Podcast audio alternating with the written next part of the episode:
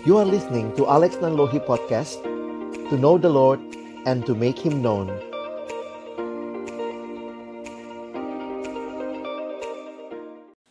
Mari sama-sama kita satukan hati, kita berdoa sebelum membaca, merenungkan firman Tuhan.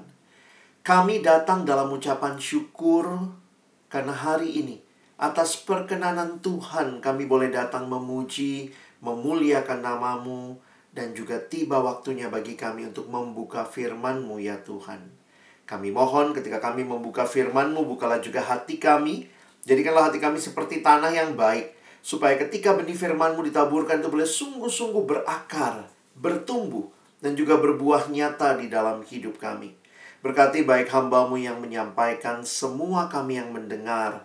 Tuhan tolonglah kami semua agar kami bukan hanya jadi pendengar-pendengar firman yang setia, tapi mampukan dengan kuasa, dengan pertolongan dari rohmu yang kudus. Kami dimampukan menjadi pelaku-pelaku firman-Mu di dalam kehidupan kami, di dalam masa muda kami. Bersabdalah ya Tuhan, kami umat-Mu sedia mendengarnya di dalam satu nama yang kudus dan berkuasa nama Tuhan kami Yesus Kristus, Sang Firman yang hidup kami menyerahkan pemberitaan firman-Mu. Amin. Shalom, selamat malam teman-teman sekalian. Senang sekali boleh ketemu malam hari ini sama-sama untuk belajar firman Tuhan dengan satu tema yang menarik juga ya. Be brave.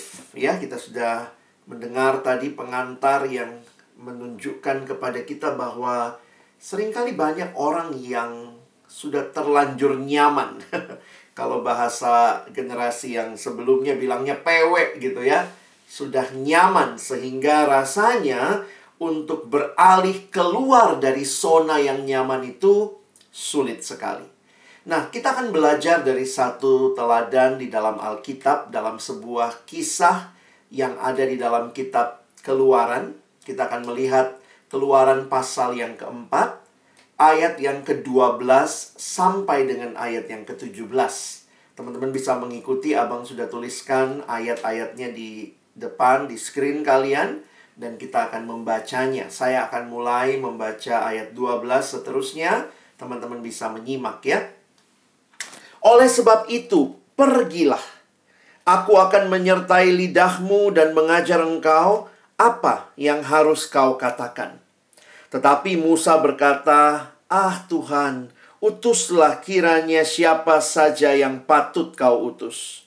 Maka bangkitlah murka Tuhan terhadap Musa dan ia berfirman, "Bukankah di situ Harun, orang Lewi itu kakakmu? Aku tahu bahwa ia pandai bicara." Lagi pula ia telah berangkat menjumpai engkau dan apabila ia melihat engkau, ia akan bersuka cita dalam hatinya maka engkau harus berbicara kepadanya dan menaruh perkataan itu ke dalam mulutnya.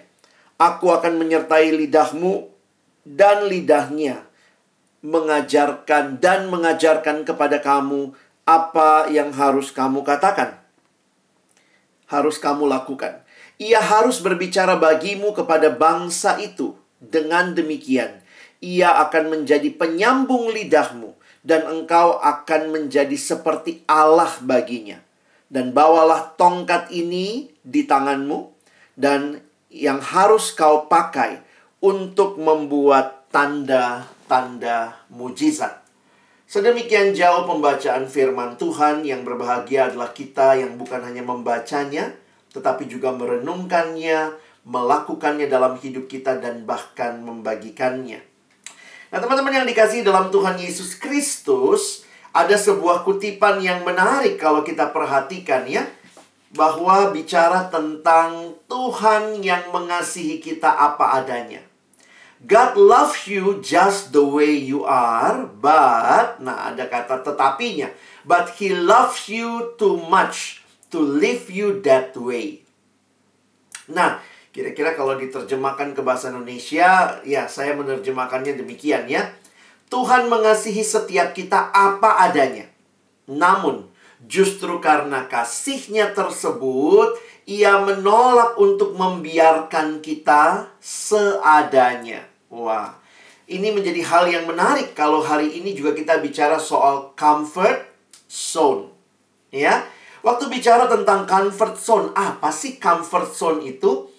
Itu baik apa tidak sebenarnya? Nah, kita coba lihat sama-sama dari perspektif umum yang dibicarakan di dalam dunia dan nanti kita juga lihat bagaimana dalam perspektif Kristen dari refleksi kisah yang Musa alami. Teman-teman, comfort zone atau zona nyaman kita semua memilikinya. Mau kita ngaku apa nggak ngaku, kita itu punya zona nyaman, teman-teman ya. Secara alami, kita cenderung tertarik pada tempat, pada situasi, atau pada orang yang membuat kita merasa aman. Jadi ada perasaan secure di situ, ada perasaan aman di situ. Nah, mungkin saudara merasa nyaman dengan rutinitas sehari-hari yang melibatkan tempat tinggalmu, tempat kuliahmu, tempat bekerjamu, dan dengan siapa kamu menghabiskan waktu, ya, teman-teman atau keluarga, dan seterusnya.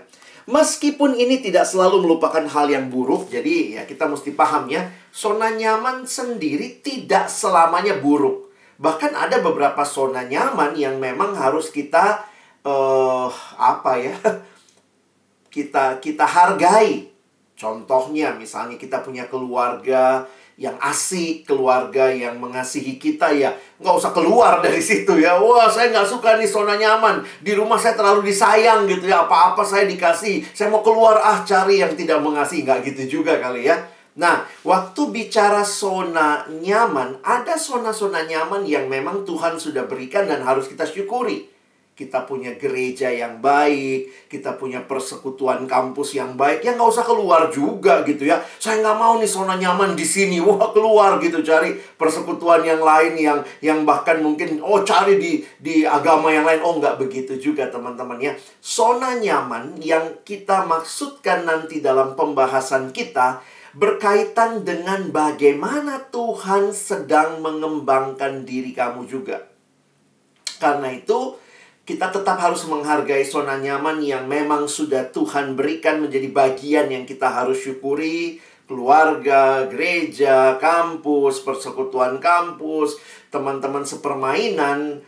Meskipun itu tidak selalu merupakan hal yang buruk, hal itu dapat saja menghalangi kita untuk menjalani hidup secara maksimal ketika kita tidak melihat lagi ada peluang di luar yang Tuhan sedang berikan untuk pengembangan diri kita. Ya. Nah, jadi saya pikir begini ya, zona nyaman yang kita akan bicarakan adalah berkaitan dengan zona yang membuat kita akhirnya tidak berkembang lebih jauh lagi. Ya. Jadi kalau dalam kaitan itu ya, jadi apa yang harus kita lakukan ketika Tuhan memanggil kita keluar dari zona nyaman kita sebagai orang Kristen? Kita harus berhasrat untuk memiliki hubungan dengan Kristus di mana kita terus berusaha untuk tumbuh lebih dekat dengannya. Nah, teman-teman, saya ingin mengajak kita menghayati zona nyaman yang mau kita bicarakan. Ini juga terkait dalam relasi kita dengan Tuhan, karena kita sedang berbicara bagaimana Tuhan juga mau saudara dan saya terus semakin bertumbuh dekat dengan Dia. Nah, sebagai konsekuensinya ya, jadi tanpa misalnya kita kita kan punya gereja, kita kan punya persekutuan mahasiswa di kampus.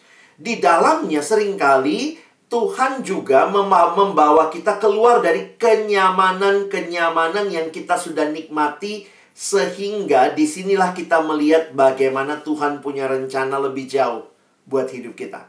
Ya, makanya saya tulis begini, terkadang bertumbuh lebih dekat dengan Kristus bisa berarti melangkah keluar dari situasi yang sudah biasa. Misalnya, Tuhan mungkin memanggilmu untuk melakukan sesuatu yang berbeda dari yang biasanya, atau dari sebelumnya untuk membuat dampak yang lebih luas bagi Kristus. Saya kasih contoh. Wah, di kampus ada persekutuan, di kampus ada Kelompok kecil, wah kita ikut kelompok kecil. Tahun pertama kita ikut jadi anggota kelompok kecil, tahun kedua jadi anggota. Maka di tahun ketiga kita ditawarkan menjadi pemimpin kelompok kecil.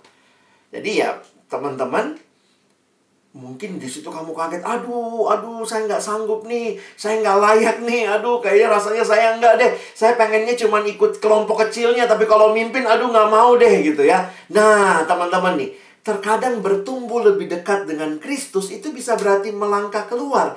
Karena seiring kamu makin lama bersama dengan Tuhan, makin lama menikmati persekutuan dengan Tuhan, Tuhan juga memberikan tanggung jawab yang semakin besar.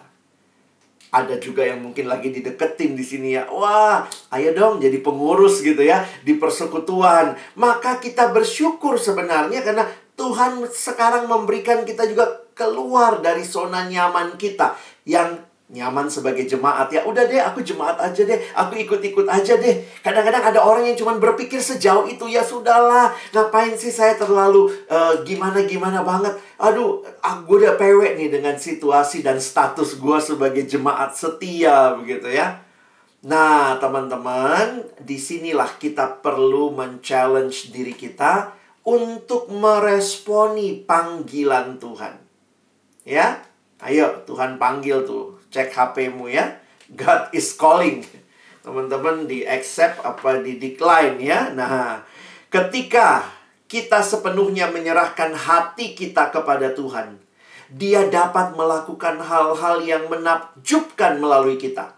Yang harus kita lakukan adalah mendengarkan panggilannya dan bersedia untuk taat, bersedia untuk menanggapinya dengan setia.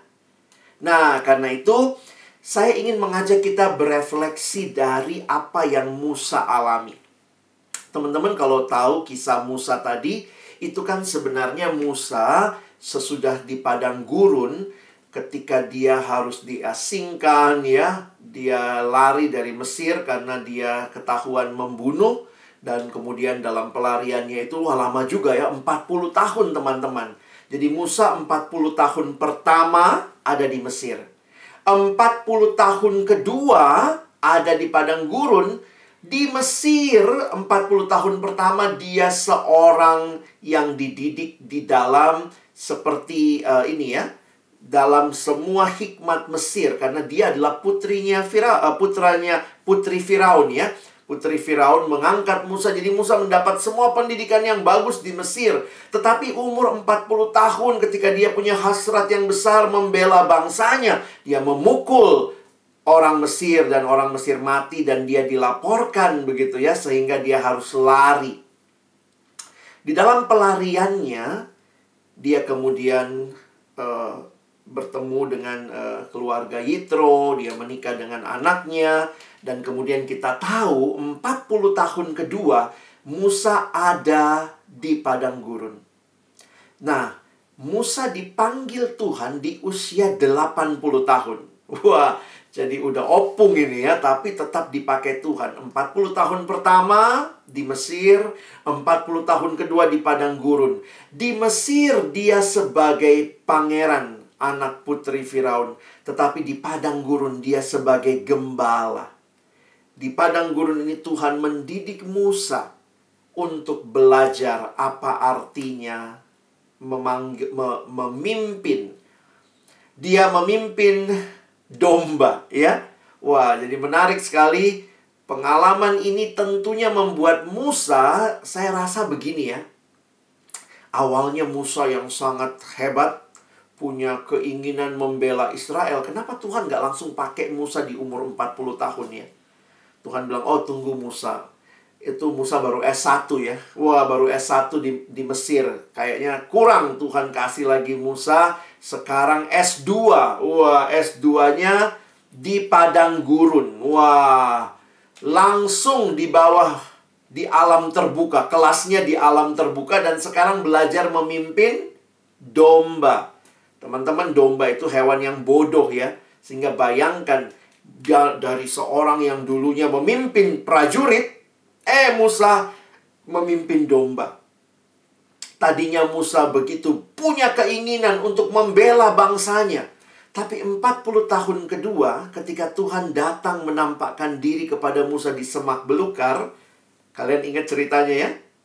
Nah, terus kemudian di situlah Musa berkata, Ketika Tuhan bilang, Musa, sekarang tiba waktunya aku akan memakai engkau memimpin Israel keluar dari Mesir. Apa kalimat Musa? Mungkin kalau pakai bahasa kita malam ini, Tuhan sorry, udah pewek nih. Gak apa-apa deh, di padang gurun aja lah. Daripada uh, ini ya, daripada pergi ke Mesir berhadapan dengan orang Mesir. Aduh Tuhan udah pewek nih di sini, kira-kira begitu ya. Sampai dia bahkan berkata begini, siapakah aku Tuhan? Tetapi waktu kita perhatikan Tuhan bilang, "Ya, saya akan mengutus kamu." Terus Musa membalas terus ya. Tuh Musa terus menjawab Tuhan. Yang intinya dari semua jawaban-jawabannya, teman-teman nanti bisa perhatikan lima kali dia jawab Tuhan isinya nolak sebenarnya. Tuhan bilang, Mus, kira-kira gitu ya. Mus, kamu akan kupakai memimpin Israel. Terus Musa nanya gitu. E, Tuhan, nanti kalau mereka nanya, siapa nama Allah yang menyuruh saya memimpin uh, Israel? Kan nanti orang bilang lu pede amat gitu ya. Nanti kalau orang nanya siapa nama Allah? Terus Tuhan jawab sama Musa aku adalah aku. Wah Tuhan sudah kasih jawabannya akulah yang mengutus kamu Musa kepada umat Israel. Musa tanya lagi Tuhan kalau mereka tidak percaya bagaimana jadi banyak banget komplainnya Musa ya sehingga Tuhan juga melakukan mujizat. Dia bilang apa di tanganmu tongkat gitu lempar jadi ular. Apa itu tanganmu masukkan ke dalam saku keluar kusta dimasukin lagi sembuh. Nah terus Musa selalu tanya sama Tuhan. Kalau kalian hitung itu sampai lima kali dia nolak. Nah yang kita baca ini penolakan kelima. Yang terakhir ya.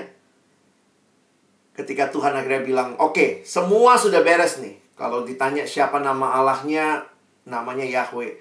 Siapa yang mengutus kamu ya Yahweh ini yang mengutus. Lalu ada mujizat yang akan dilakukan dan semua. Jadi kayaknya Musa udah siap pergi ya. Makanya ayat 12 ya kita coba lihat. Tuhan memberikan tugas kepada Musa, tapi lihat responnya ayat 12 ya. Oleh sebab itu pergilah, aku akan menyertai lidahmu dan mengajar engkau apa yang harus kau katakan penolakan terakhir ini kurang ajar banget ya.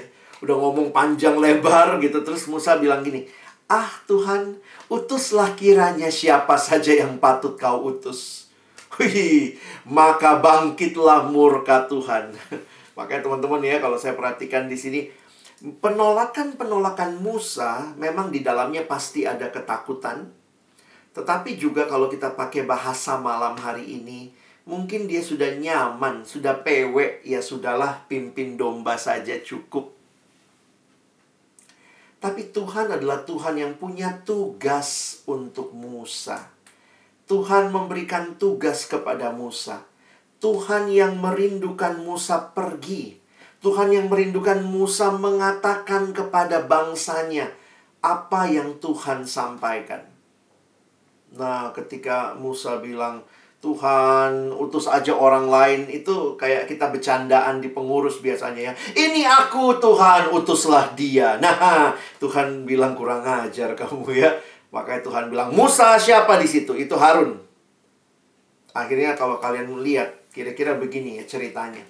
Musa akan jadi pemimpin, tapi Musa bilang, "Tuhan, aku nggak bisa bicara, saya nggak pandai bicara." Tuhan bilang, "Tetap kamu yang mimpin dan Harun abangmu akan jadi juru bicaranya. Teman-teman, bagi Musa ini tugas yang berat. Pasti tugas yang berat ya. Kalau kalian tahu karakteristik orang Yahudi, orang Israel, nah itu tuh.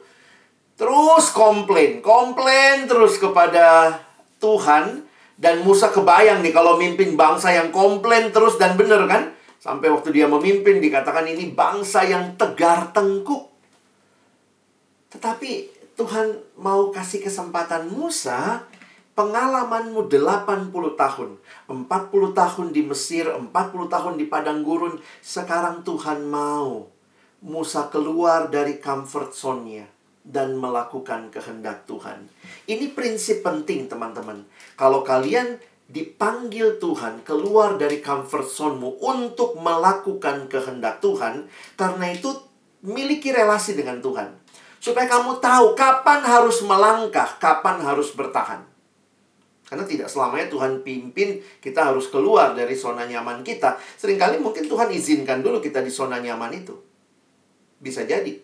Karena itu bagaimana saya tahu bang, miliki relasi dengan Tuhan. Nah dalam ilmu manajemen banyak juga membahas soal comfort zone ini.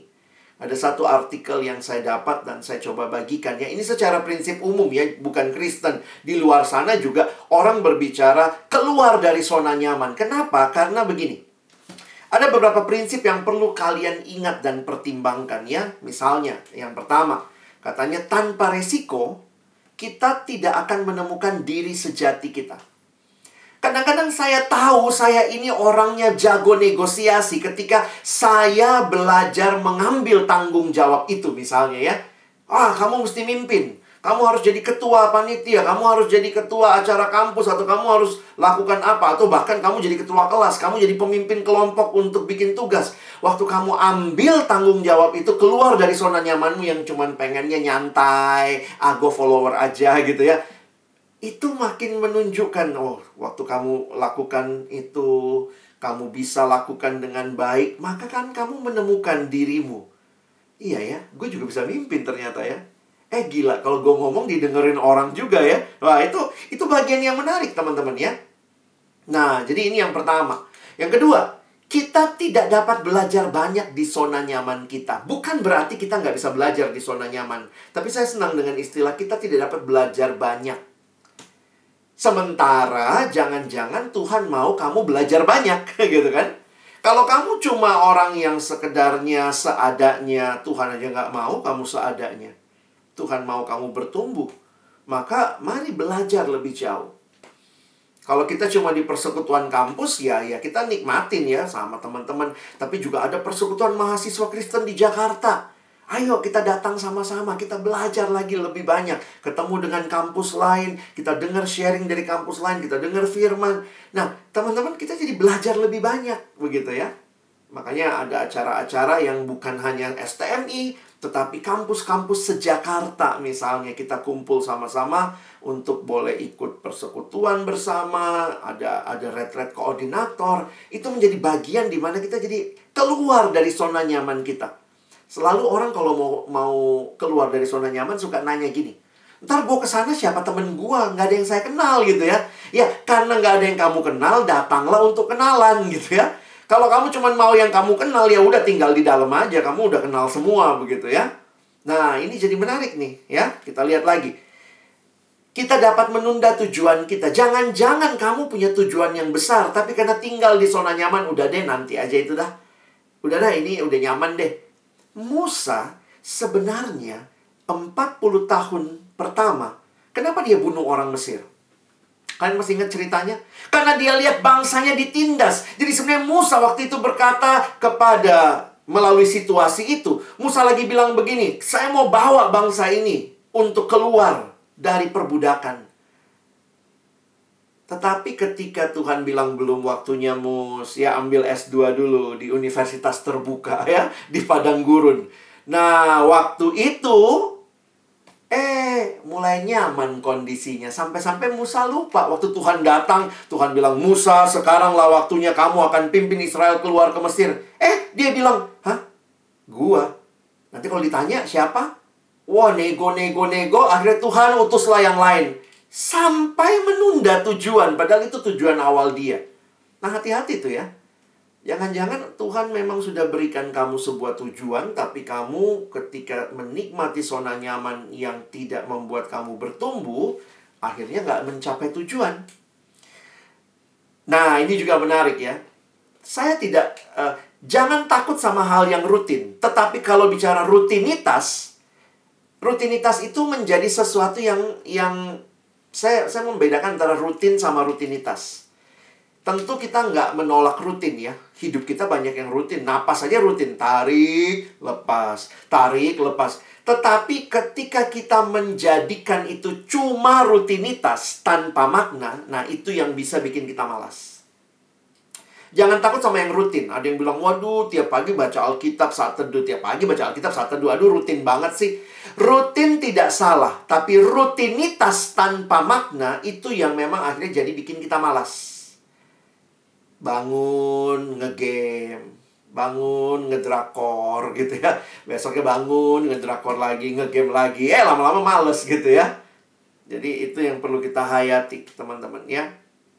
Keluar dari zona nyaman kadang membuat kita lebih berkembang lebih rajin yang kelima, kita mungkin kehilangan apa yang membuat kita unik. Kamu tuh unik ketika kamu berani terima tantangan, berani ambil tanggung jawab. Di situ kamu teruji, kelihatan tuh, ih, emang dia beda anaknya ya. Jangan-jangan nggak kelihatan kualitasmu, nggak kelihatan keunikanmu karena kamu juga tidak keluar dari comfort zone-mu. Dan yang terakhir, kita tidak akan pernah menemukan mimpi baru karena mimpimu hanya ada di dalam comfort zone-mu. Ingat, ini bukan artikel Kristen yang saya baca. Yang abang baca ini bukan artikel Kristen, ini artikel umum. Bahkan di dunia umum saja, keluar dari comfort zone itu menjadi sesuatu yang challenging. Khususnya juga buat generasi yang tadi dikatakan ini generasi yang sudah aduh mager gitu ya, enaknya udahlah udah pewek begitu ya. Nah, ada sebuah gambar yang dibuat dan bagi saya ini menarik ya kalian bisa pelajari ya. uh, mulai dari comfort zone. Kadang-kadang waktu kita keluar dari comfort zone itu masuk kepada fear zone. Terus kemudian jadi learning zone. Lalu kemudian jadi growth zone, ya. Nah, memang akhirnya kalau kita udah udah lewatin fear-nya, udah lewatin ketakutan, kadang-kadang itu jadi comfort juga ya learning tapi ya makanya kita terus ini ya, sebenarnya kayak kayak spiral ya akan ngulang lagi. Comfort zone, fear zone, learning zone, growth zone. Masuk lagi comfort zone, fear zone, learning zone, growth zone. Sejauh yang Tuhan izinkan dan pimpin kita maka mari terus berkembang. Aduh gue nggak bisa ngomong sama orang banyak. Nah itu comfort zone karena saya seneng ngomong sama yang deket maka saya keluar dari fear dari comfort zone masuk ke fear zone. Saya belajar tuh. Aduh, gue nggak pede nih. Lack of self-confidence. Aduh, bikin-bikin alasan kayak Musa ya. Find excuses. Aduh, saya nggak bisa ngomong. Saya nggak bisa apa. Memang nggak ada yang langsung bisa ngomong. Belajar. Makanya kalau kita lewatin ketakutan, kita masuk kepada sebuah pembelajaran. Dan ketika pembelajaran kita lalui, kita ingat lagi, ih gile ya, tahun lalu gue nolak-nolak, nggak mau ngomong di depan, tapi akhirnya Tuhan izinkan belajar dan akhirnya bertumbuh ya. Nah, ini ini diagram umum ya. Dan saya melihat Musa bukan pemimpin yang langsung bertumbuh. Tapi dia juga mengalami ketika harus keluar dari comfort zone-nya, mulai dengan excuse, alasan-alasan yang dia cari di hadapan Tuhan. Tapi yang saya yang saya luar biasa kagum sebenarnya apa? Tuhan tuh sabar banget ya. Coba tuh kalau kalian ditawarin jadi pengurus ya. Tapi kak nanti kalau ditanya aku pengurus apa? Oh, oh nanti kamu gini gini gini. Oh tapi nanti kalau begini gimana kak? Uh, tapi aku nggak bisa begini loh kak. Nanti gimana kak? Terus akhirnya terakhir ya udah kak aku nggak jadi pengurus ya. Uh gitu ya. Uh tak getok kamu ya. Tuhan Musa tuh udah hampir lima kali nolak. Ya tapi Tuhan kasih anugerah untuk pakai dia lagi dan di sinilah kita bersyukur. Israel itu sangat mengagumi Musa. Musa dianggap pemimpin yang luar biasa. Makanya waktu Yesus di atas bukit itu ada dalam transfigurasi kan ada Musa Elia begitu ya. Karena Musa itu dikagumi sekali oleh orang Israel. Tapi kalau ingat awalnya Musa pemimpin yang ketakutan. Pemimpin yang gak pede. Nah, bagaimana kita? Bagaimana kita sebagai anak-anak Tuhan yang punya berbagai karunia yang Tuhan berikan maka teman-teman ini sikap-sikap yang perlu kalian pikirkan ketika melangkah keluar dari comfort zone-mu. Pertama, miliki sikap berani dan percaya diri. Namun tetap rendah hati. Percaya diri bukannya bablas lalu kemudian menyepelekan orang ya. Mungkin bagusnya juga percaya diri yang dalam pimpinan Tuhan. Jadi percaya, bagusnya PD atau PT ya. Percaya Tuhan gitu ya berani dan percaya Tuhan sehingga dalam keyakinan itu kita tetap rendah hati. Aduh saya nggak berani kak. Ya mesti berani, mesti dicoba ya. Jangan takut salah. Kalaupun salah, ya berani minta maaf. Jangan pikir juga kalau saya udah nyoba pasti nggak pernah salah. Dulu saya begitu mikirnya ya. Tuhan saya mau jadi pemimpin yang gak pernah salah. Ya bagus juga punya kerinduan itu. Tapi saya jadi lupa bahwa saya masih manusia yang hidup dalam dunia yang sudah jatuh dalam dosa. Jadi bisa salah nggak? Oh bisa. Kalau salah, berani minta maaf. Itu namanya orang yang belajar. Sehingga comfort zone mungkin dalam banyak hal mempermalukan kita ya. Comfort zone itu bisa bikin kita malu ya. Karena rasanya waktu nyoba begini, oh bukan gitu ya caranya ya. Teman-teman ada satu kejadian memalukan ya. Saya nggak berani, nggak nggak nggak enak juga ceritanya, tapi kira-kira gitu ya. Saya tuh uh, pernah dalam satu waktu dapat kesempatan perjalanan ke Afrika ya, abang harus ke Afrika ada tugas dari pelayanan. Dan um, waktu itu waktu ngurus-ngurus visa ke Afrika teman-teman ternyata ke Afrika itu harus ada vaksin yang namanya yellow fever.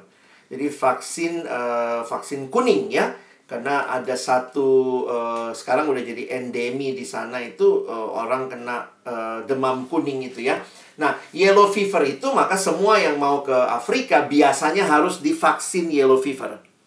Nah, makanya waktu itu saya cari-cari lah vaksin yellow fever itu sebelum pandemi ya, jadi saya nggak terlalu ngerti lah. Ya udah cari-cari uh, vaksin yellow fever dan ya saya agak-agak takut juga ya, takut sama jarumnya, takut apa, nggak tahu. Jadi poinnya adalah nggak tahu dan rasanya gimana tuh ya saya nggak paham. Pokoknya harus divaksin gitu. Saya cari ketemulah satu klinik di Jakarta Pusat. Ya namanya sok pede. Jadi waktu saya masuk ke ruangannya dokternya nanya bapak mau ke mana? Saya bilang saya mau ke Afrika. Oke ini cukup divaksin. Saya bilang saya masih tiga minggu lagi. Oh nggak apa-apa. Jadi ini uh, vaksinnya akan bekerja dalam beberapa hari dan seterusnya. Saya dijelasin lah tentang vaksin itu ya Oke Pak, silakan uh, ke ke tempat tidur. Nanti dia akan apa? Uh, maksudnya duduk di situ. Nanti saya akan vaksin ya. Dia ambil vaksinnya. Teman-teman tahu? Ya, jangan ketawa ya. Abang tuh nggak pernah divaksin ya. Sudah waktu itu juga belum ada ya. Saya nggak ngerti vaksin. Saya cuma tahu disuntik. Teman-teman saya buka celana dong Maksudnya saya turunkan celana panjang saya, saya duduklah dengan manis di atas tempat tidur dokter dan dia sampai kaget, "Pak, kenapa buka celana, Pak?" Oh, bukannya vaksinnya di pantat ya? Karena saya pikir suntik itu kan di pantat ya, saya tahu saya gitu ya. Enggak, Pak, vaksinnya di lengan gitu ya. Belum ada covid-covidan, teman-teman itu rasanya pengen deh saya lari dari ruang praktek dokter itu ya malunya luar biasa tiba-tiba saya lupa juga saya bilang saya kok ingetnya pernah divaksin di pantat ya dok jadi udah kayak orang keki gitu ya saya inget-inget apa waktu SD saya pernah divaksin di bagian paha begitu ya Uh, terus dia ngomong lagi, enggak pak, vaksin itu di mana-mana di lengan. Waduh, malunya luar biasa. Ya sudah, saya minta maaf gitu ya. Kadang-kadang saya pikir comfort zone saya adalah aduh nggak divaksin sudahlah. Tapi ketika itu jadi pelajaran baru buat saya walaupun mungkin memalukan buat kita ya. Nah, tapi itu jadi satu hal yang yang menarik gitu ya. Saya keluar dari comfort zone, saya belajar hal yang baru, ya. Nah, dalam beberapa situasi kita perlu dengarkan suara hati nurani yang diterangi firman Tuhan. Tidak selamanya kita harus keluar dari comfort zone saat ini. Tetapi juga tidak selamanya kita harus ada di comfort zone ini. Karena itu relasi dengan Tuhan akan menolong kamu. Ini khususnya buat kalian kalau sudah jadi alumni ya.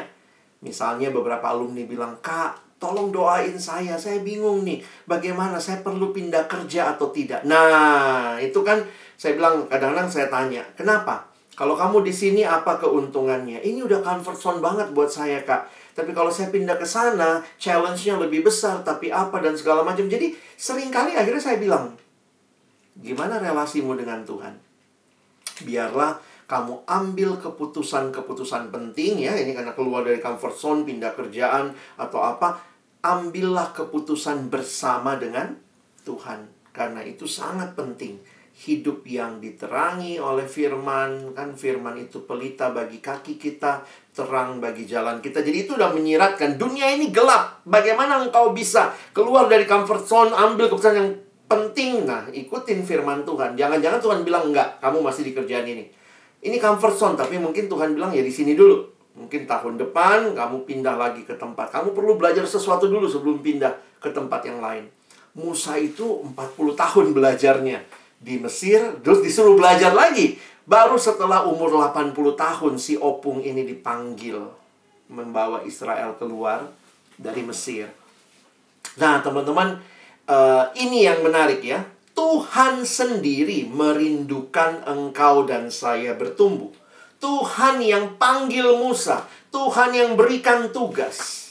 Tapi ada hal yang menarik kalau dunia manajemen bicara tentang out of comfort zone, maka apa bedanya sama kita yang Kristen? Bagi saya, andalan yang tadi juga sudah dikatakan MC kita, andalan kita untuk keluar dari comfort zone bukan cuma PD ya, tapi percaya bahwa ada Tuhan yang menjanjikan penyertaannya. Kalian lihat tadi kalimat Tuhan kepada Musa, oleh sebab itu pergilah, tapi bukan cuma pergi aja.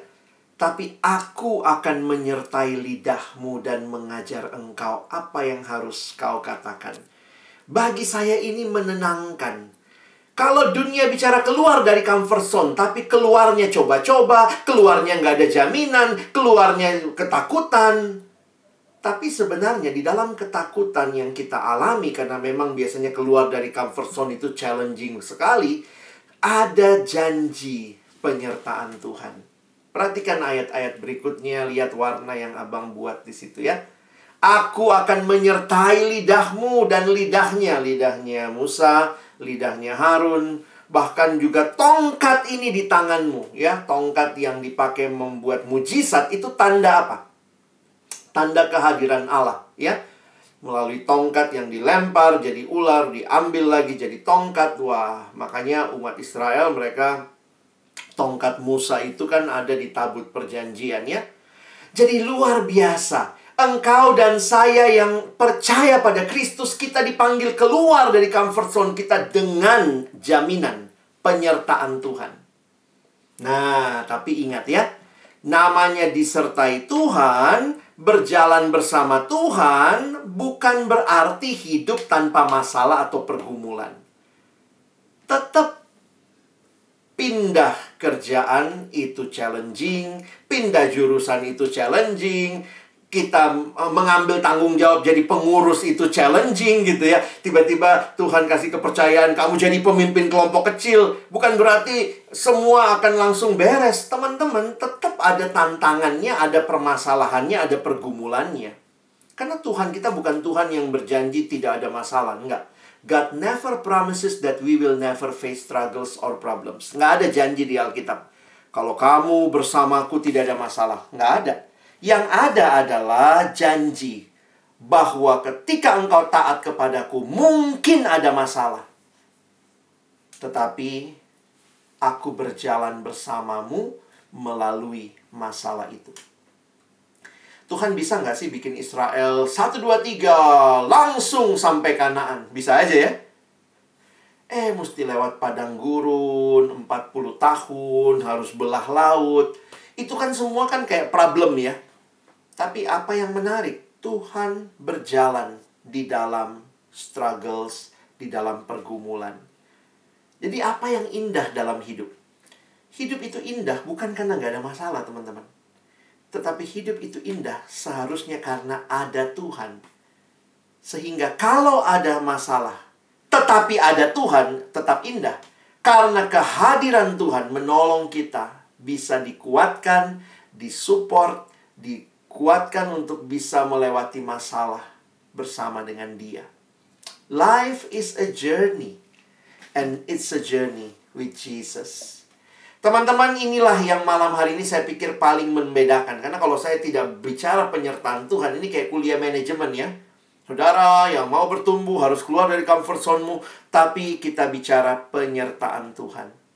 Tuhan yang mau saudara dan saya juga terus bertumbuh, maka miliki komitmen untuk bertumbuh. Apa yang Tuhan berikan supaya kita bertumbuh? Oh, Tuhan sudah kasih ya, ada tiga hal yang dikatakan pendeta John Stott. Ada tiga hal yang Tuhan berikan supaya kita terus bertumbuh. Pertama, Tuhan berikan rohnya yang kudus. Roh yang kudus hadir menyertai hidup kita. Diam di dalam setiap kita yang percaya. Tuhan beri firman-Nya Firman itu seperti ini ya. seperti map ya GPS kita. Pelita bagi kaki kita, terang bagi jalan kita. Maka rajin-rajinlah baca firman. Tuhan saya takut nih comfort zone atau bukan gimana caranya tuh? Ya tanya Tuhan, maka buka firman Tuhan. Dan izinkan firman itu mengoreksi hidup kita, menerangi jalan-jalan kita. Ada kalimat yang menarik dari Bapak D.L. Moody. The Bible will keep you from sin. Or sin will keep you from the Bible. Maka baca Alkitab baik-baik. Kalau enggak nanti kita makin hidup dalam dosa gitu ya.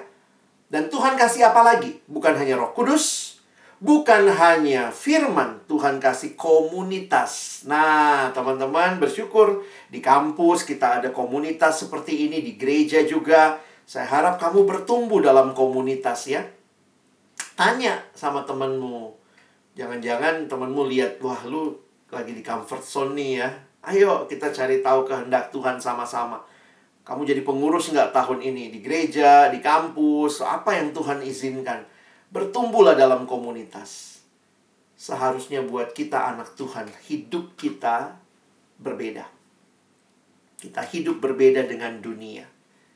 Abang senang prinsip ikan ya. Katanya ikan itu kalau dia hidup, itu seumur hidup akan berenang melawan arus. Wah menarik juga ya hanya ikan mati yang ikut arus katanya. Maka kalau engkau hidup di dalam Tuhan, maka engkau akan menjadi orang yang bukan mirip dunia, tapi bahkan jadi terang di dunia, jadi berkat di dalam dunia. Maka melalui caramu belajar, kamu memuliakan Tuhan. Mungkin kamu mesti mikir juga ya, bagaimana saya udah comfort zone gak? Jangan-jangan saya mesti stretching lagi supaya belajar lebih banyak hal. Tapi cara belajarmu seperti apa? Cara bergaulmu seperti apa? Apakah kamu bergaul untuk mempermuliakan Tuhan atau bergaulnya mempermalukan Tuhan? Nah, ini perlu kita tanya. Kalau kamu sudah kerja nanti, apakah cara bekerjamu juga menyatakan Tuhan?